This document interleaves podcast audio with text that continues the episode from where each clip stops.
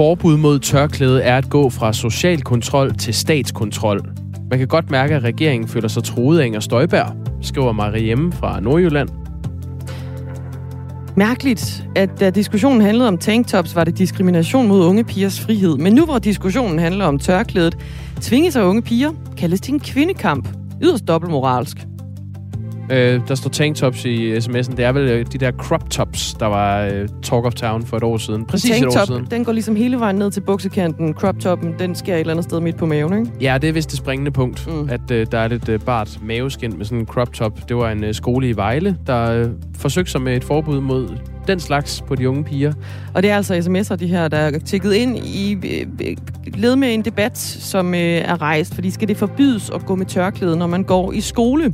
Det er blevet diskuteret hæftigt de sidste par dage, efter øh, en kommissionen for den glemte kvindekamp øh, er kommet ud med en række forslag. Blandt andet et forbud mod tørklæder i grundskolen. Vi taler med øh, to mødre her i den kommende time, som begge to har blandet sig i debatten øh, på sociale medier, og de er altså langt fra enige. Det kan du høre mere om klokken cirka 19 minutter over syv. Nemlig, hvis du har øh, noget, du gerne vil byde ind med, som Mariem og den anden lytter, der havde skrevet ind, så skriver du ind på 1424. Husk navn og lige også måske, hvor du sidder henne i landet. Det sætter vi pris på. Godmorgen, Godmorgen. på denne fredag. Vi kender det efterhånden godt. Man er ude at handle, og priserne de er lige noget højere end for bare et par måneder siden. Men er det ægte prisstigninger, som, øh, er kommet på, som er kommet på grund af stigende produktionsomkostninger og elpriser, eller er det nogen, der sidder derude og udnytter situationen her og sætter prisen kunstigt op? Det vil erhvervsminister Simon Kollerup gerne have undersøgt, og øh, han vil nu øge overvågningen af prisstigninger på blandt andet dagligvarer. Jeg stiller i dag øh, spørgsmålet videre til vores myndigheder, som rigtig mange danskere stiller sig selv, når man åbner køledisken ned i øh, supermarkedet. Øh, kan det virkelig være rigtigt, at priserne stiger så meget, som øh, de gør lige nu? Øh, kan det hele forklares af den situation, verdensmarkederne er i? Øh, eller er der også andet øh, lagt ekstra til? lyder øh, det retoriske spørgsmål fra øh, ministeren, men det møder altså øh, kritik, det her initiativ, Simon Koldrup har øh, lagt op til. En række erhvervsorganisationer kalder det for en mistænkeliggørelse af virksomhederne og øge overvågningen af priser på dagligvarer. Martin Kyd er cheføkonom i SMV Danmark, der repræsenterer små og mellemstore virksomheder. Godmorgen. Godmorgen. I er øh, kritiske over for det her initiativ. Øh, det man kunne tænke, at det er harmløst at undersøge, om nogle priser er blevet sat ekstra meget op. Så hvorfor er I kritiske? Jamen, det er fordi, der mangler noget ordentlighed i den her melding. Altså, regeringen vil gerne vise en forståelse for, at, øh, at inflationen den går ondt i danskernes øh, privatøkonomi, og det kan jeg sådan set godt forstå.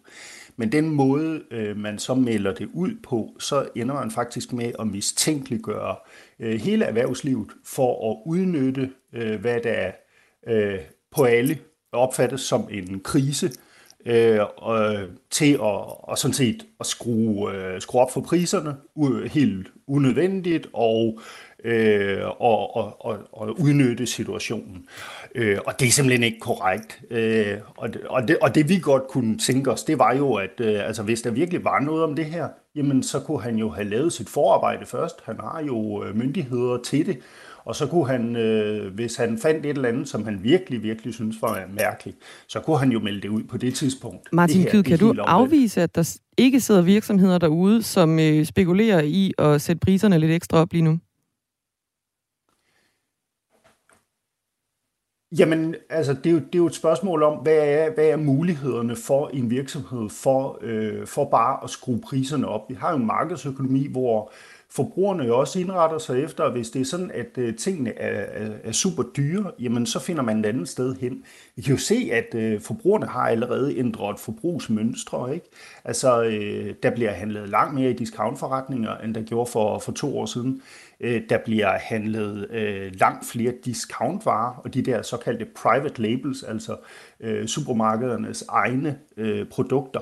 Så, så øh, forbrugerne, de reagerer jo lynhurtigt, og det er jo en del af den der helt almindelige markedsøkonomi, hvor vi er vant til, at, at, øh, at øh, igennem priserne, så bliver der signaleret, at der er nogle ting, der er dyre nu, og så skruer øh, producenterne op for produktionen af de varer, fordi der er øh, noget at tjene. Men altså, når det er sagt, så, så, øh, så er, øh, er priserne for, for virksomhederne, de er jo steget mere. Martin Kyd, jeg spørger dig lige igen, øh, cheføkonom ja. i SMV Danmark. Kan du afvise, at der ikke sidder nogle virksomheder derude, som skruer priserne kunstigt højt op lige nu, fordi der er en mulighed?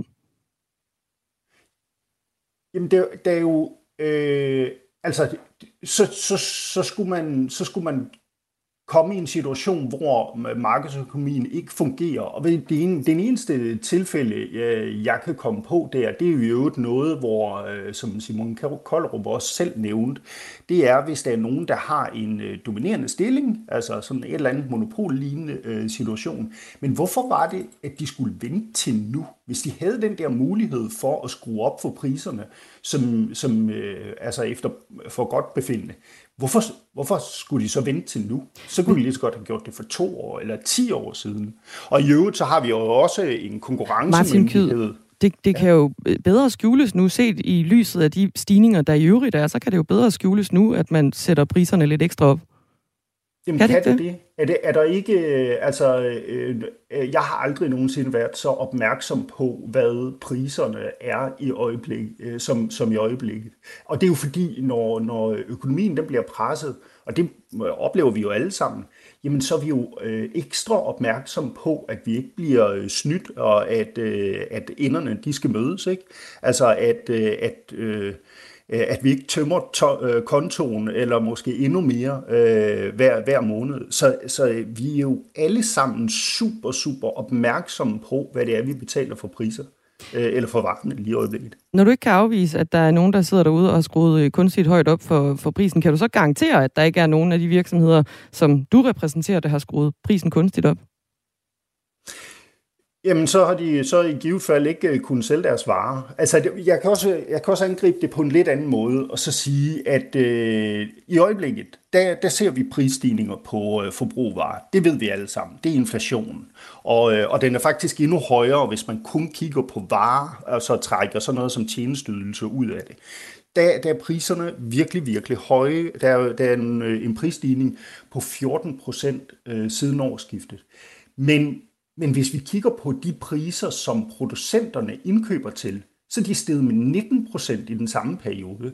Så virksomhederne de oplever det altså i endnu højere grad, og de har endda været endnu højere, de prisstigninger øh, tidligere, øh, øh, som, øh, som øh, producenterne har måttet betale. Så der er ikke noget, der, der tyder på, altså i, at i virkeligheden så, så, øh, så tyder de her tal på, at man, øh, at at virksomhederne faktisk ikke er i stand til øh, at, at sende øh, hele regningen øh, for, for inflationen videre til, til forbrugerne.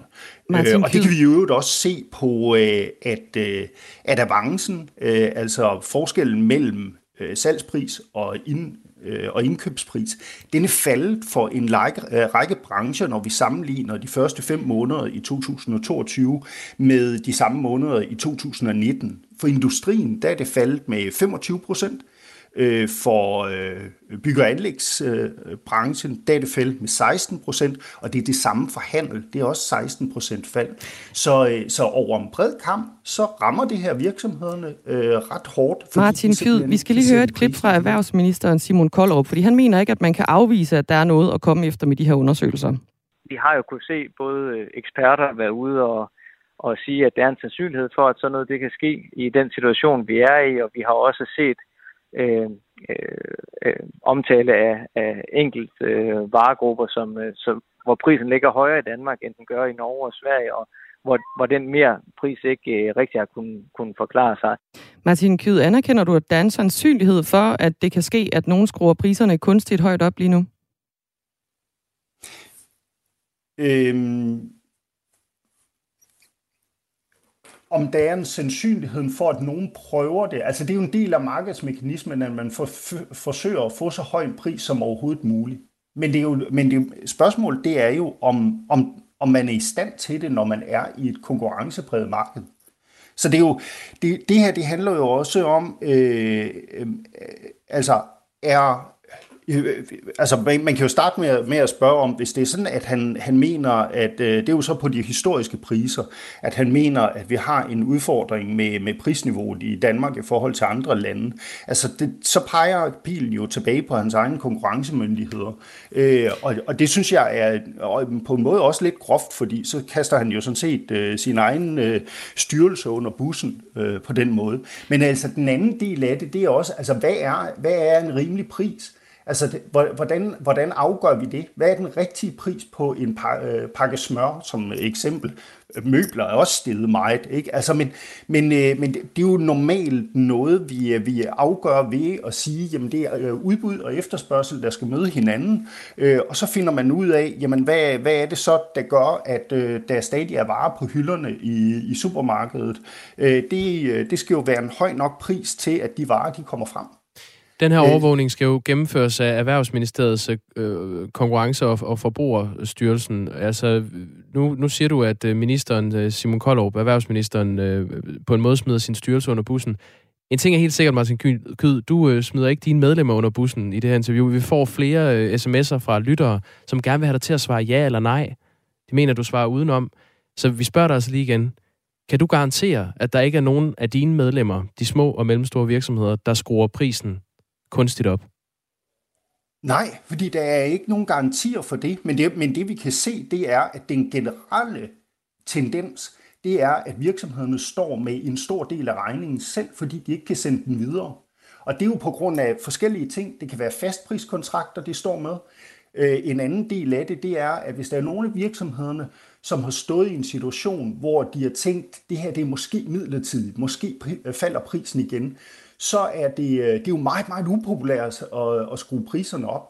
Så det, man typisk vil gøre som en virksomhed, det er at bevare det gode forhold øh, til det langsigtede forhold til en kunde, og så tage et øh, midlertidigt tab. Det kan vi jo i hvert fald se, at der, der, der er tendens til, at folk de har taget en stor del af regningen, fordi de simpelthen har øh, faldende øh, fortjeneste. Martin Kyd, når nu øh, der ikke er nogen garantier for, at øh, man kan ikke udelukke, at der er nogen, der skruer prisen kunstigt op lige nu. Når der ikke er nogen garantier for det, så er det vel en god idé at undersøge? Men på hvilke kriterier? Og det, det er faktisk måske det, jeg er allermest forundret over. Hvad er det for nogle kriterier, han vil bedømme det ud fra, om, om en pris er for høj eller for lav?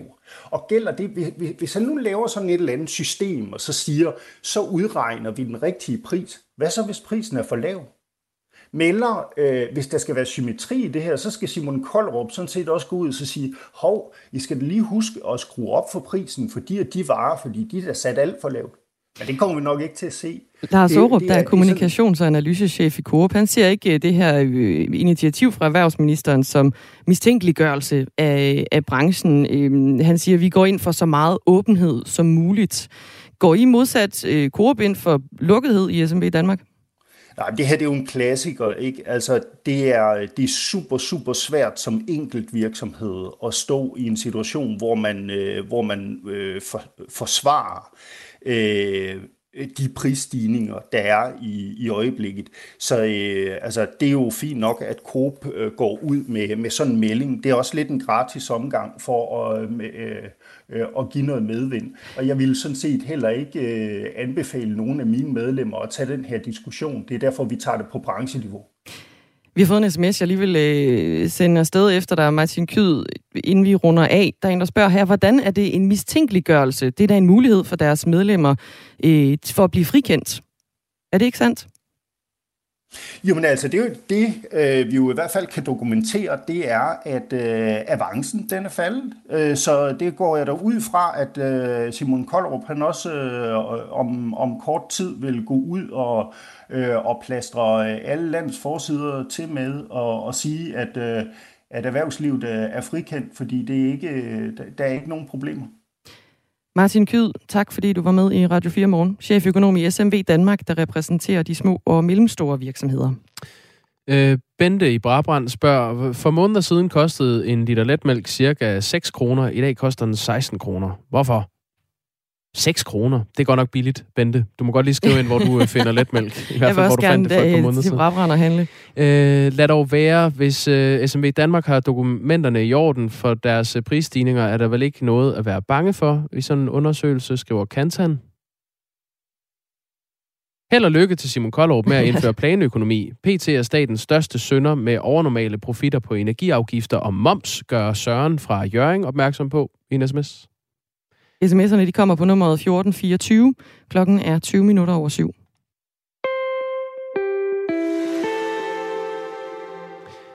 Nu øh, går vi tilbage til den debat, som øh, vi også behandlede i går, og som også fylder en del i dag. Det er debatten om at bære tørklæde, når man går i grundskolen. Skal det forbydes?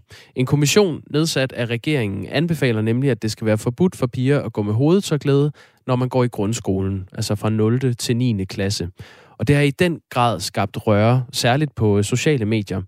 Nu skal vi høre fra øh, to møder til børn i folkeskolen, der begge har blandet sig i debatten på øh, Facebook. Først siger vi øh, godmorgen til dig, Nicole Trampedak. Godmorgen. Du har en søn, der går i 7. klasse, og du er imod den her anbefaling om et tørklædeforbud i grundskolen. Hvorfor er du det? Jamen, det er jeg, fordi jeg synes, man går ind og piller ved noget, der egentlig ikke er nødvendigt. Jeg synes, man fratager de muslimske piger en rettighed for at give dem en frihed i gåsøjne. Jeg ved, du har talt med din søn om det her. Hvad siger han til sådan en anbefaling om et forbud? Jamen, han synes, det er fuldstændig åndssvagt. Øh, der er ikke nogen, der kigger skævt til tøserne i skolen, når de har tørklæde på. Og som han siger, der er ingen af pigerne i hans klasse, der går med tørklæde, på trods af, at 80 procent af min søns klasse faktisk er muslimer. Jamen, så kan det være, at han bare ikke går i en klasse, hvor det er en problematik for nogen. Jamen, jeg har ikke oplevet overhovedet, at det skulle være et problem nogen steder. Det er jo stadig et mindretal, der egentlig går med tørklæde. Noget af det, der bliver løftet i den her debat som et argument for, at man skal øh, forbyde unge piger at have tørklæde på, altså muslimske piger, det er, at det er et kvindeundertrykkende symbol. Og det er ligesom, øh, altså kommissionens formand her, Christina Krysjak Hansen fra Socialdemokratiet, siger, at deres fokus er at sikre, at pigerne, der ikke har samme frihedsrettigheder som alle os andre, får dem. Hvorfor kan du ikke følge det argument? Fordi så synes jeg jo nemlig, at du går ind og fratager de her piger en rettighed for at give dem en såkaldt frihed. Og det synes jeg egentlig ikke, at man kan. At man kan ikke øh, behandle tvang med tvang? Nej, det synes jeg ikke, at man kan, fordi jeg synes egentlig, at du, du kommer til at gøre det omvendt, end hvad der egentlig bliver formålet. Det gør man jo, altså behandler tvang med tvang i andre sammenhænge, hvis man tvangsfjerner et barn, for eksempel. Ja, det gør man, men jeg synes også, der er meget stor forskel. Kommissionen, der står bag anbefalingen, har til formål at undersøge, altså, hvordan man kan undgå social kontrol af piger og kvinder i indvandrermiljøer. Det er det, der er hele fokuset. Og der er kommet ni forskellige forslag, blandt andet det her med øh, et tørklædeforbud i grundskolen. Ifølge kommissionen viser det, at danske muslimer er anderledes end andre danske piger, når nogen går med hovedtørklæde. Øhm, Nicole Trammedag, hvilke konsekvenser frygter du, at det vil få, hvis den her anbefaling om et forbud bliver til virkelighed? Jamen, jeg frygter faktisk rigtig meget, at de her muslimske piger, de vil blive taget ud af skolen. Og så frygter jeg, at de vil måske vil blive proppet ind på nogle muslimske privatskoler. Det tror jeg på vil kunne skade integrationen helt vildt. Det vil faktisk også gælde for muslimske friskoler. Det vil både gælde for privat og fri og folkeskoler. Ja, men jeg tvivler på, at det vil blive håndhævet på en muslimsk skole. Hvorfor siger du det? Jamen, det, det er bare en idé, at jeg har, at man, man har altså nogle rettigheder i forhold til det tørklæde. Det er jo en væsentlig del af deres øh, religion. Jeg byder lige en øh, mor mere med her i øh, programmet, Samia Amrani. Godmorgen. Godmorgen. Dine forældre er født og opvokset i Marokko, og du var muslim indtil du var 15 år, men du har aldrig brugt tørklæde fast, så vidt jeg er orienteret. Du har en søn i øh, 4. Klasse, og jeg ved, du synes, det er en øh, god idé at gøre det forbudt for piger i grundskolen at gå med tørklæde. Hvorfor er det en god idé? Fordi at øh, i mine øjne, så er det øh, kvindeundertrykkende, og øh, især når det handler om børn. Altså i mine øjne, der skal børn have lov til at være børn. Og øh, når de går i folkeskolen fra 0. til 10. klasse, så er de jo stadigvæk børn og henholdsvis unge mennesker.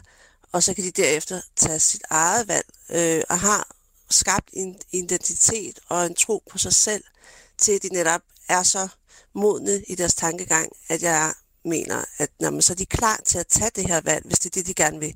Det mener jeg ikke, man er, når man er 7 år, eller 10 år, eller 12 år. Du var selv muslim, indtil du var 15 år, øh, fortalte jeg før. Hvorfor, øh, hvorfor holdt du op med at være muslim?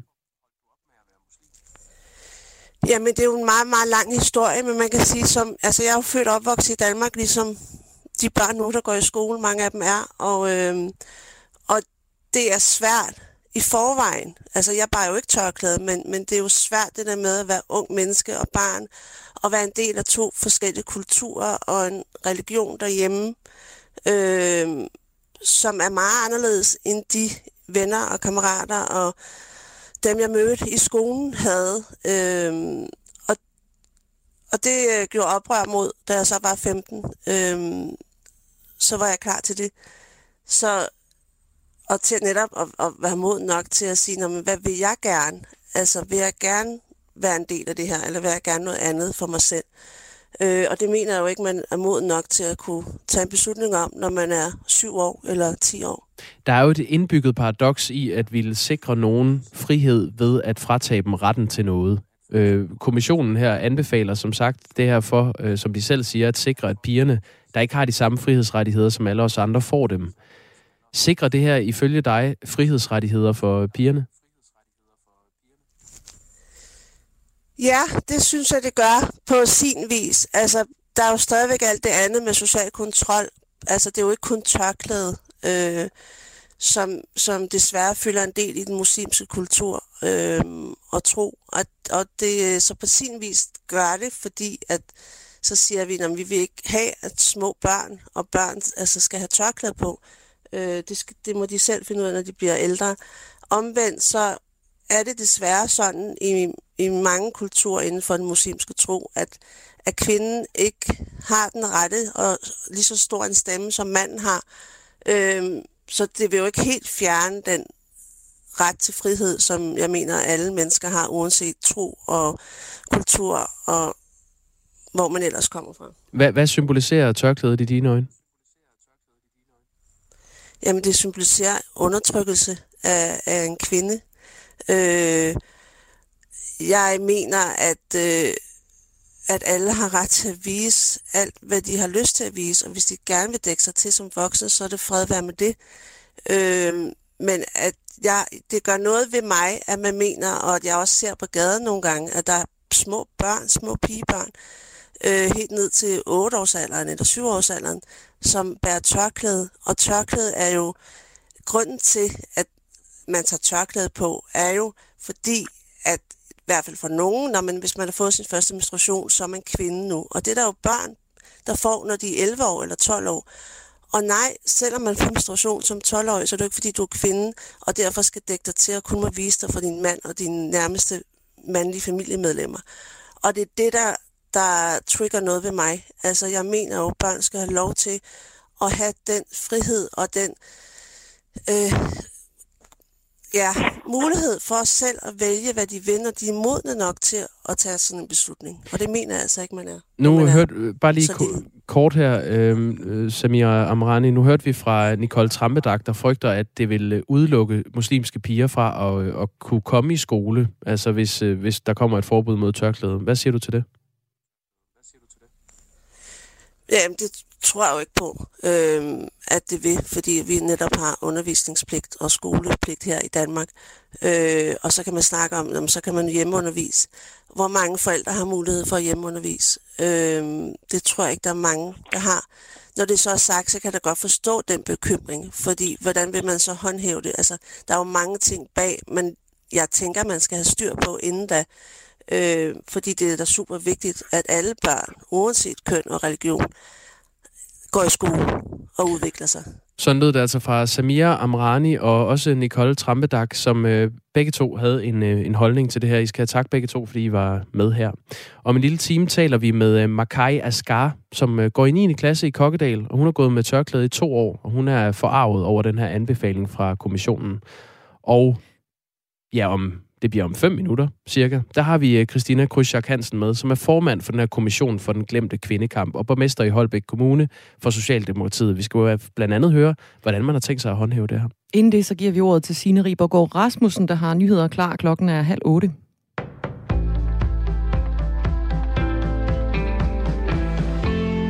Liberal Alliance vil vente med at pege på, hvem af de to statsministerkandidater i Blå Blok, der skal have lov at indtage statsministeriet i tilfælde af et magtskifte efter næste valg. Det siger politisk leder Alex Vanopslag i forbindelse med et sommergruppemøde i partiet. Vi skal også lige afvente og se valgresultatet. Øhm, hvis det ene parti er markant større end det andet, så, så, så taler det for, at det er dem, der ligesom øh, får om ikke andet det første forsøg på at få inderne til at mødes. Øhm, så, så jeg synes, det er for tidligt at, at slå fast. I sidste uge meldte de konservatives formand Søren Pape Poul sig som Søren Pape Poul sig på banen som statsministerkandidat. Det er Venstres formand Jakob Ellemann også. Og begge har en pointe, mener Alex Van Opslag. Begge dele betyder selvfølgelig noget, men, men øh, jeg har det sådan, jeg tror, man skal passe på med at have en statsminister, som er svækket fra start, og som er lillebror i regeringen, selvom vedkommende har statsministerposten. I dag fremlægger Liberal Alliance seks principper for et borgerligt lederskab af Danmark, som bør skrives ind i et forståelsespapir. På tidligere skoler, markeder og fængsler i Ukraine tilbageholder og afhører Rusland krigsfanger og civile. Det viser en rapport, som forskere fra det amerikanske universitet Yale har udarbejdet. Forskerne har ved hjælp af satellitbilleder og oplysninger fra åbne kilder fundet frem til 21 steder, hvor russiske styrker fører sager mod de tilfangetagende. Rapporten er støttet af det amerikanske udenrigsministerium som en del af indsatsen for at stille Rusland til ansvar for landets handlinger under krigen. Hverken Ruslands forsvars- og justitsministerium eller landets ambassade i USA har svaret på Reuters spørgsmål om rapporten fra Yale. Og vi bliver ved krigen, for USA's præsident Joe Biden og Ukraines præsident Volodymyr Zelensky opfordrer Rusland til at give ukrainerne kontrol over det ukrainske atomkraftværk Zaporizhia. Biden og Zelensky opfordrer også til, at eksperter fra det internationale atomagentur besøger værket for at vurdere sikkerheden. Der er frygt for en mulig atomkatastrofe, fordi værket ligger tæt på frontlinjen. Rusland bør acceptere, at der oprettes en demilitariseret zone omkring værket, og de bør tillade, at atomagenturet besøger stedet så hurtigt som muligt for at vurdere sikkerhedssituationen, siger en talsmand for det hvide hus. De radikale kan ikke støtte en regering, der har Inger Støjberg som minister. Hun har talt usandt over for Folketinget og er blevet idømt fængsel for at adskille asylpar, hvor den ene var mindreårig, siger politisk leder Sofie Karsten Nielsen. Vi kan ikke støtte en regering med Støjberg som minister, øh, for jeg har ikke tillid til Inger Støjberg. Øh, Inger Støjberg har løjet for Folketinget og øh, siger, at hun vil gøre det igen. Støjbergs parti, Danmarks Demokraterne, ser ud til at storme ind i Folketinget. Det ligger ikke lige for, at de to partier skal gå i regering sammen, fordi de ligger langt fra hinanden, særligt på udlændingeområdet. Det er først efter, at et parti har fået opbakning til at danne regering, at det står klart, hvem der bliver udpeget som ministre. Den radikale leder har ikke gjort sig konkrete tanker om, hvordan hun vil forhindre, at Støjberg bliver minister. Det vil man skulle stille mistillid om. Jeg vil ikke kunne lægge mandater til en regering, øh, som øh, udnævnte Inger Støjberg som minister. Øh, simpelthen fordi vi ikke har, øh, har tillid. Til gengæld har vi en vejrudsigt. Først på dagen stedvis lidt sol og kun mulighed for enkelte byer. I løbet af eftermiddagen kraftige regn og tordenbyer i Jylland, mens de østlige egne får lidt eller måske nogen sol, men også enkelte byer og tordenbyer på Fyn. Og temperatur mellem 23 og 28 grader.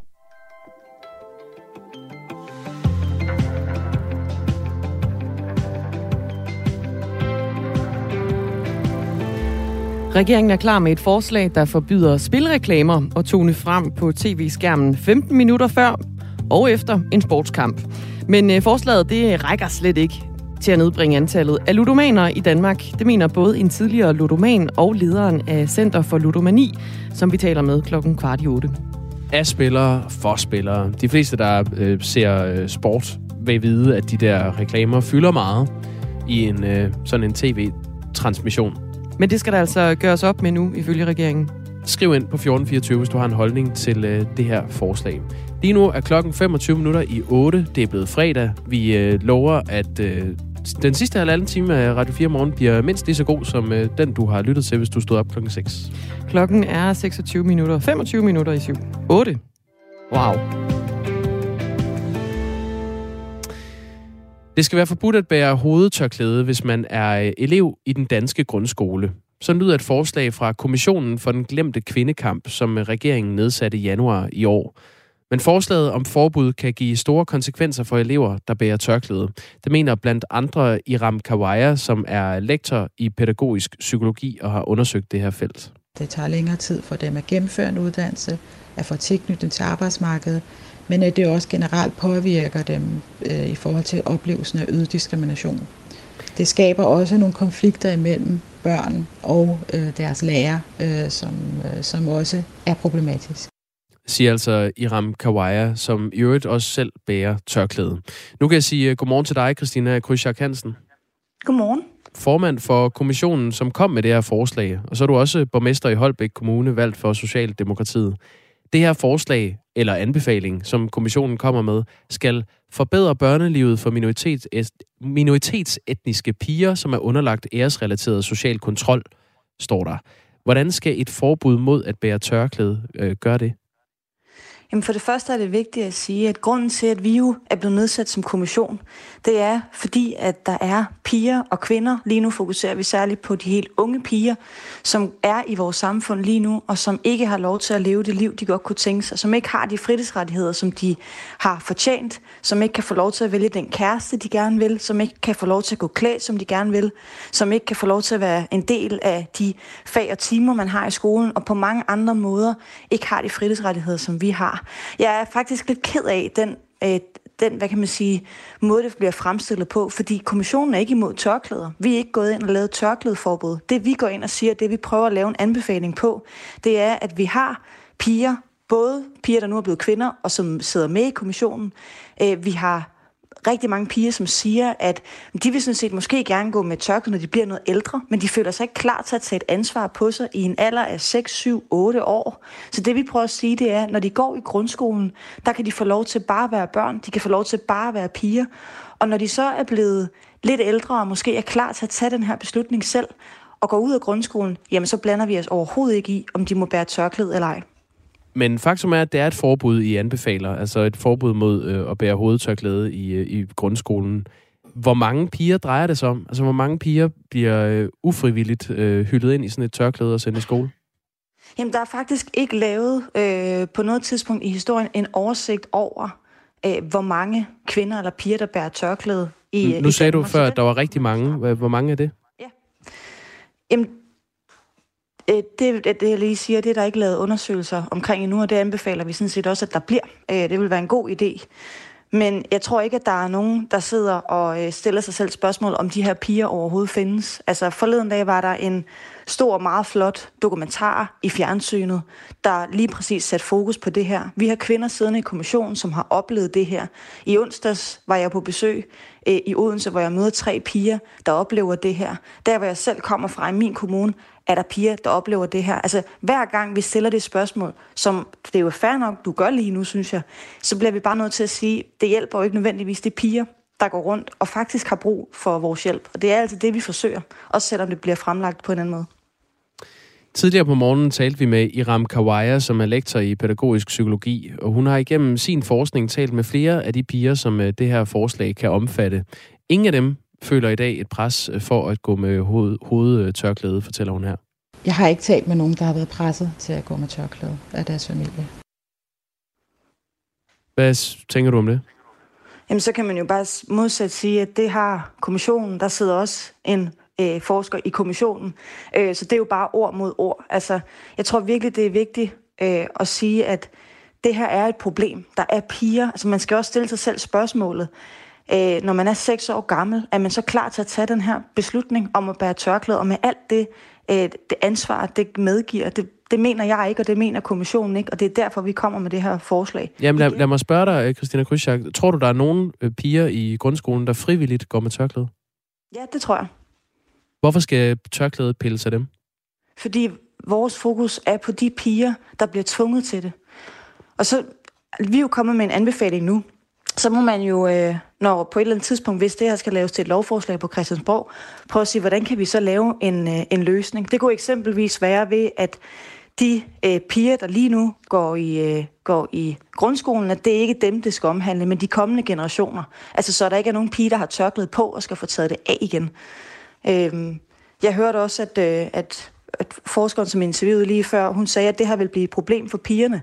Og det skal det jo netop ikke være. Det skal jo ikke være sådan, at man uden den enkelte klasse skal tage tørklæde af en pige. Det er ikke det, vi foreslår.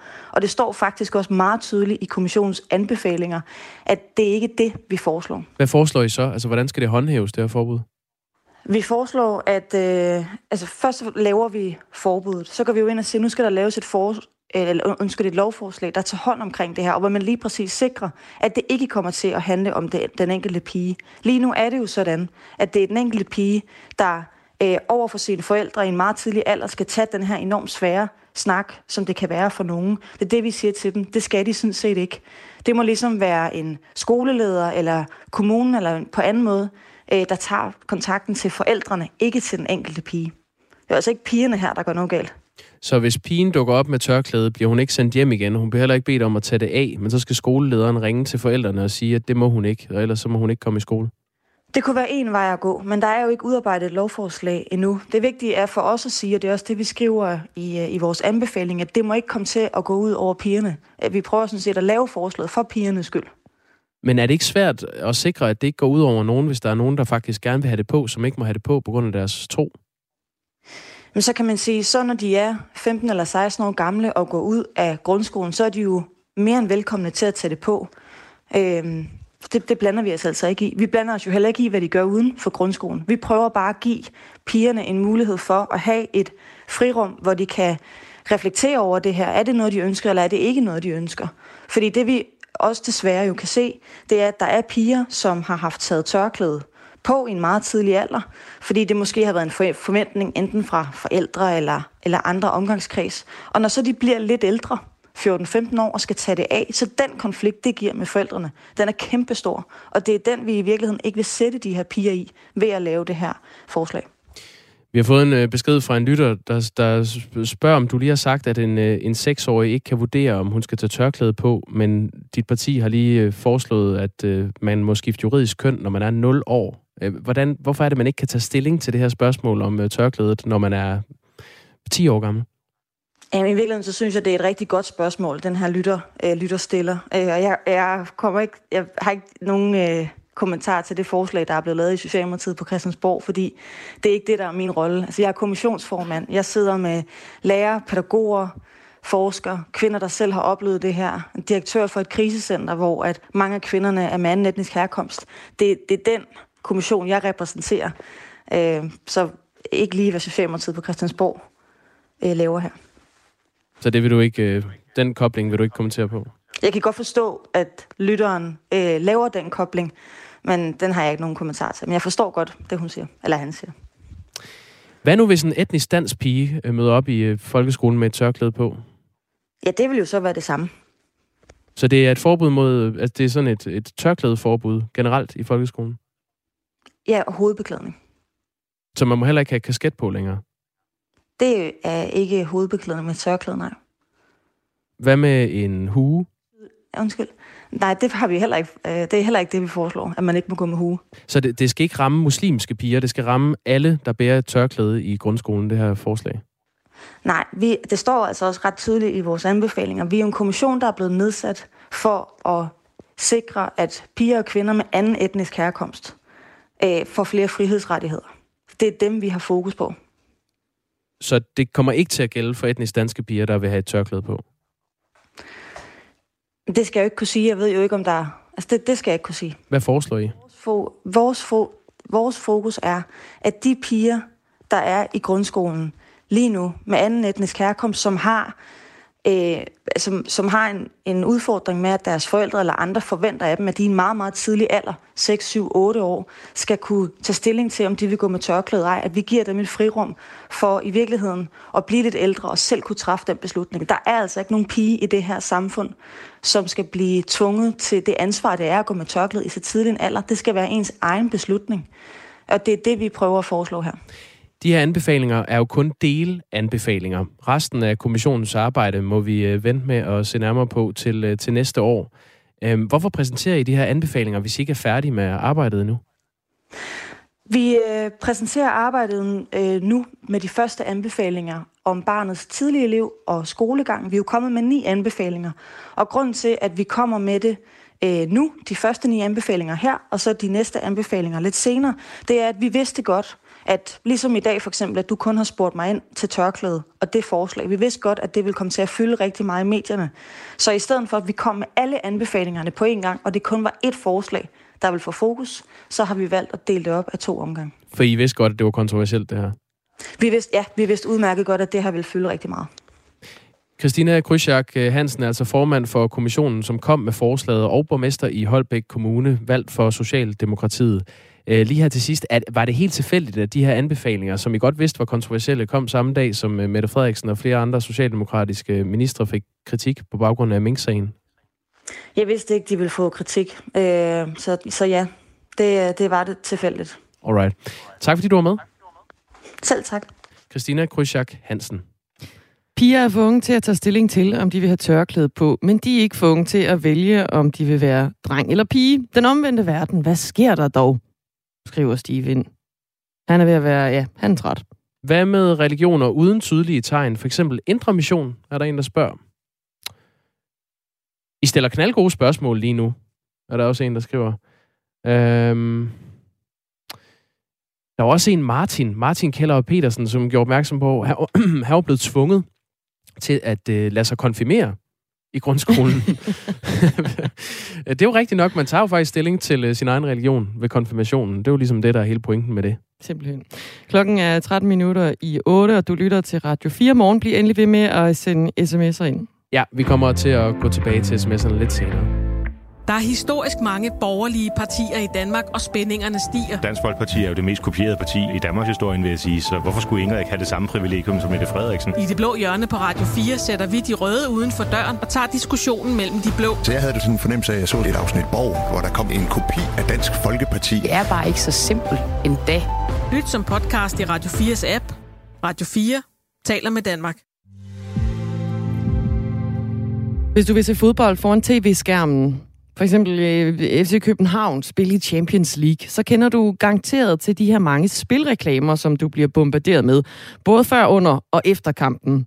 Men det skal være slut nu, mener regeringen. Derfor så er de klar med et forslag om at forbyde spilreklamer 15 minutter før og 15 minutter efter en sportskamp vises på tv. Men forslaget her, det er altså øh, langt fra nok til at bringe antallet af folk med ludomani betydeligt ned. Det mener du, Henrik Tranebrandt. Godmorgen. Godmorgen. Ja, det er helt rigtigt. Øh, men jeg vil gerne sige, at det er en god start, øh, at vi trods alt begynder at gøre noget ved det, men, men det er langt fra nok. Godt. Centerleder øh, ved Center for Ludomani får jeg lige øh, placeret dig i. Forslaget her om 15 minutters forbud mod spilreklamer. Det er en start, men ikke nok. Hvorfor er det ikke nok?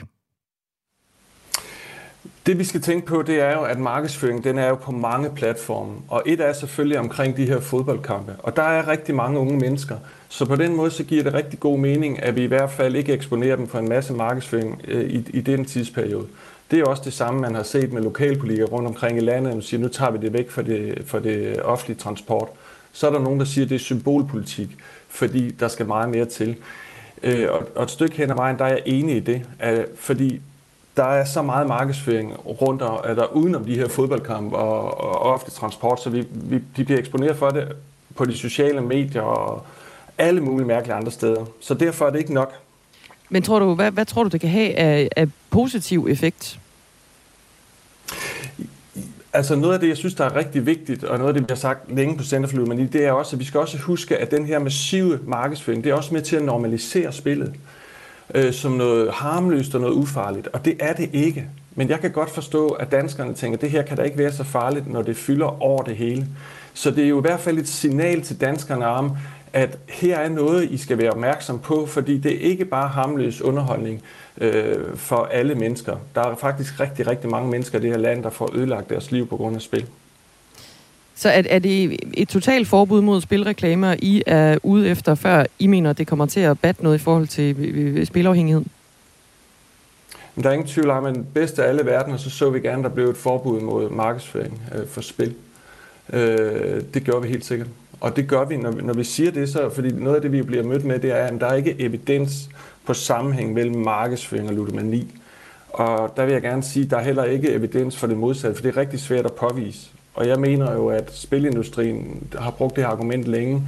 Det er dem, der sælger det her problematiske produkt, som er dybt afhængighedsskabende. Så mener jeg, at de må fremvise noget uafhængig forskning, der siger det modsatte.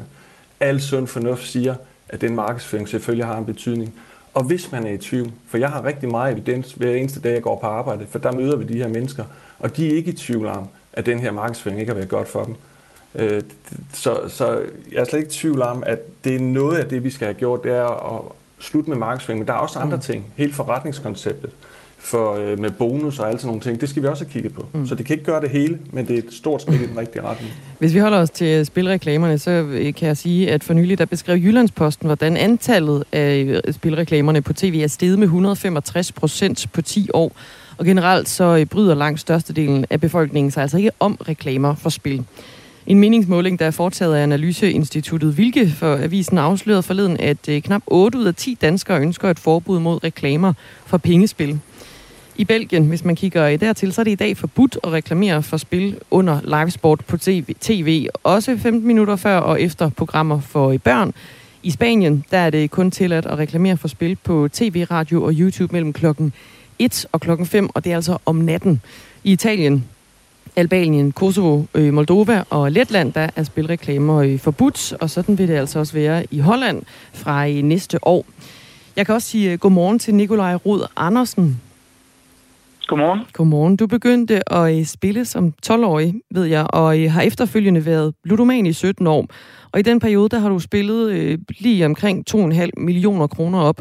Noget, som du i dag holder foredrag om ude på ungdomsskoler. Hvor meget påvirkede spilreklamer dig, da du var ramt af ludomani? Øh, ja, det er korrekt, alt det du siger. Øh, det påvirkede mig rigtig meget. Altså, det var jo... For mig har, har jeg jo gået igennem en, øh, en lang og hård kamp med, med den her ludomani.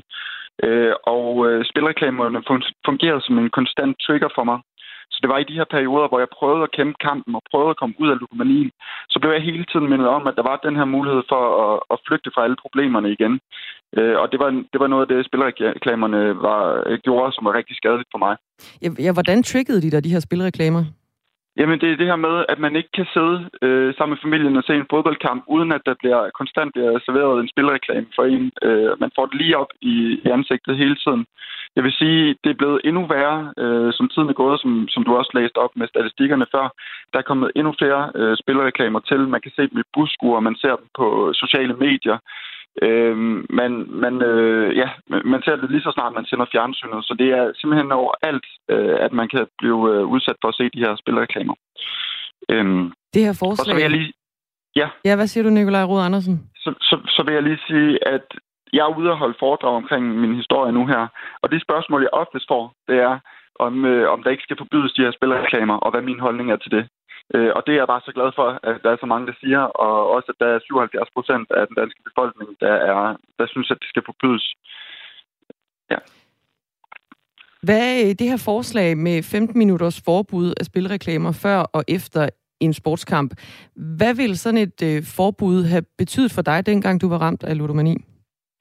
Øh, jeg tror, det vil have betydet en del, fordi jo mindre synlighed der er på det, øh, jo mindre øh, man ser de her kendte folk, der stiller sig op og, og, og nærmest øh, ja, gør, det som, øh, gør det som noget, som ikke er, er det helt store... Øh, altså, det er ligesom Henrik sagde før, det der med, når der er folk, der stiller sig frem i deres fine øh, jakkesæt og, og, og fortæller, at det er okay at spille, så er der også flere i den danske befolkning, der tænker, så er det måske ikke så slemt igen at spille. Øh, så jeg, jeg tror det der med, hvis det, ikke, hvis det ikke var lige så meget synlighed på det, så, øh, så ville det også være nemmere for mig at kunne komme ud af, af spillet, tror jeg. Mm. Så, så ja. øh, øh, hvad tænker du om, at sådan et forslag her, det lander nu? Er det noget, der vil kunne, øh, kunne batte noget? Jeg synes, det er et rigtig godt skridt i den rigtige retning, men på, øverst på min ønskeliste vil 100% være et totalforbud mod, mod alle spilreklamer. Fordi jeg ved, hvor mange unge mennesker, øh, der bliver fanget af det her. Der er så mange, som kommer op til mig, efter jeg har holdt min foredrag, og fortæller, at de kan genkende meget af det fra min historie. Og jeg tror, der er så mange, der lukker sig inde med det her. Og hver gang man så ser de her spilreklamer, så er man jo disponeret for, eller eksponeret for, for den her promovering af dem, som, øh, som jo er så skadelig og som kan fange så mange mennesker, mm. øh, som har det svært med det. Jeg vender lige tilbage til Henrik Trane Brandt, øh, centerleder for Center for Ludomani. Ifølge foreningen Spillebranchen er der erfaringer med, at øh, store begrænsninger og restriktioner egentlig bare motiverer spiludbyderne til at forsvinde ud af landet, og det er så naivt at tro, at de ikke tager deres kunder med os. Øh, det vil så skabe en eksplosion af ulovligt spil i Danmark, øh, lyder det herfra. Hvad tænker du om det, Henrik Trane Brandt? Det, som øh, spilbranchen øh, selvfølgelig er, har meldt ud den ene gang efter den anden, at, at hvis vi laver for hårde reg- øh, reguleringer mod spilindustrien, så flygter de alle sammen ud af landet, øh, og danskerne spiller på de her øh, sider, der ikke øh, har licens. Øh, vi tror ikke på, at det bliver så alvorligt, men det er klart, at der er ikke nogen, der ved, hvad der sker, når vi øh, laver, hvis man kommer derhen og laver et forbud med reklamer. Og, og det skal vi selvfølgelig have meget øje på, og jeg ved også sådan en som Søren Gade, jeg hørte ham i radioen i går, at, at på EU-niveau, der sidder, vi jo også, der sidder de også og kigger på, hvad gør vi, øh, så vi passer på de her mennesker, ikke kun i Danmark, men hele EU. Så det er kompliceret, men vi tror ikke på, af danskerne, bare fordi de er indkodet gennem de sidste 10 år med massiv markedsføring, hvad det er for nogle spiltider, de skal spille på. Der vil de blive på mange af dem. Så kan det godt være, at der er nogle stykker, der forlader det. Men igen, og tilbage til det, Nikolaj siger, hele den der normalisering, hele den der holdningsændring, vi skal have til, den har vi brug for. Og dem, der vil spille, de skal nok finde et sted at spille. Men vi har brug for at stoppe øh, udviklingen, så vi ikke får flere nye ind i det her. Og der er markedsføringen ikke god, fordi folk tænker simpelthen ikke det her som noget, noget, noget stort problem. Vi sidder med fædre, der åbner spilkonto der, til deres børn. Mm. Øh, de har ikke tænkt på det, fordi de tænker, herre Gud, altså, så er der ikke mere af det. Så, så det er også virkelig vigtigt med den der holdningsting, den der normaliseringsting, vi skal, vi skal væk fra. Tak Henrik Trane Brandt, centerleder for øh, Center for Ludomani, og også tak til dig, Nikolaj Rod Andersen, tidligere ludoman i, øh, i 17 år. Erik ønsker sig et forbud mod alle tv-reklamer. Det vil være rart, skriver han på 1424. Øhm, Mark skriver, jeg er tørlagt pornoafhængig, og jeg er lykkelig for, at det offentlige rum ikke er plastret til med nøgne damer og porno, for det vil have trigget mig ud i uendelige tilbagefald. Hvorfor skal ludomaner ikke have samme beskyttelse? Det her det er en historie, vi også øh, arbejder videre på. Vi øh, runder den nemlig også i den næste time af øh, Radio 4 Morgen, hvor vi har skatteministeren med igennem her i Radio 4 Morgen, Jeppe Brugs. Ja, som står bag forslaget. Lars fra Sæby skriver, Danskerne er åbenbart vilde med at afgive deres egen fri vilje og ønsker, at alle andre skal tage ansvar for dem. Men lad os nu sige, at dette ender med forbud mod spilreklamer. Hvad er så det næste? Forbud mod reklamer for slik og usund mad er vel nærliggende. Og dernæst dyre vaner, som den almene ikke har råd til.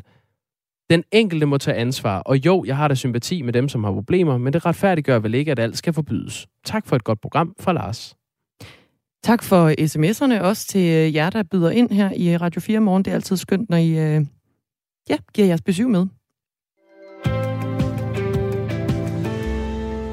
Dagmar, vi kan lige nå at vende, at øh, radikale venstre nu ikke længere sådan fuldstændig per definition peger på øh, Mette Frederiksen som en statsminister efter næste valg. Uh. Sofie Carsten Nielsen, formand for Radikale Venstre, medvirkede i TV2-interviewprogrammet Libert i går.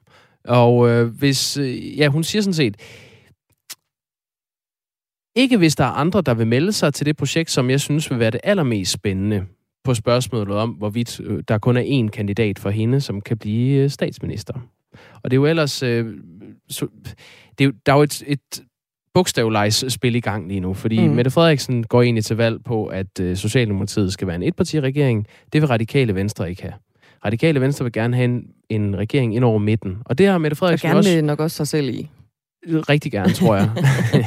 Radikale skal have ministerposter, lyder det til, hvis de øh, skal i regering. Det har de ikke sagt på linjerne, men mellem linjerne. Men så er peger der, den radikale pil mere over i en blå statsminister, eller peger den også på dem selv? Jeg tror, de synes, de peger hele vejen rundt, som det lille parti, de er. Men øh, de blå partier er jo så afvist at have et rødt parti med i regeringen. Og radikale vil egentlig gerne over midten, som Mette Frederiksen egentlig også er nysgerrig på, selvom hun går på, til valg på en etpartiregering. Og så er der jo venstrefløjspartierne, SF og Enhedslisten, vil de pege på en regering over midten? Det har vi jo beskæftiget os Mm. med i den her uge, hvor Maja Villersen sagde, det, det kunne hun ikke rigtig Nej. se. Det er svært at se, hvad der er tilbage efterhånden. Den der Altså, pose der med er, øh, bogstaver i, den bliver øh, rystet og rystet, og så kommer der forskellige udfald, og der er ikke rigtig noget af det, der sådan ser ud, som om det kommer til at kunne løse sig. Altså, der er muligheden for en, en... Ja, der er jo mange muligheder endnu, og nu skal vi se, hvor mange stemmer, der kommer på de enkelte partier. Men øh, en blå regering med støtte fra højrefløjen. Vi afventer stadigvæk, at der overhovedet bliver udskrevet et folketingsvalg. Det er rigtigt. Du skal til gengæld ikke vente, vente, vente længe på øh, nyheder. Signe Ribergaard Rasmussen er klar klokken er 8.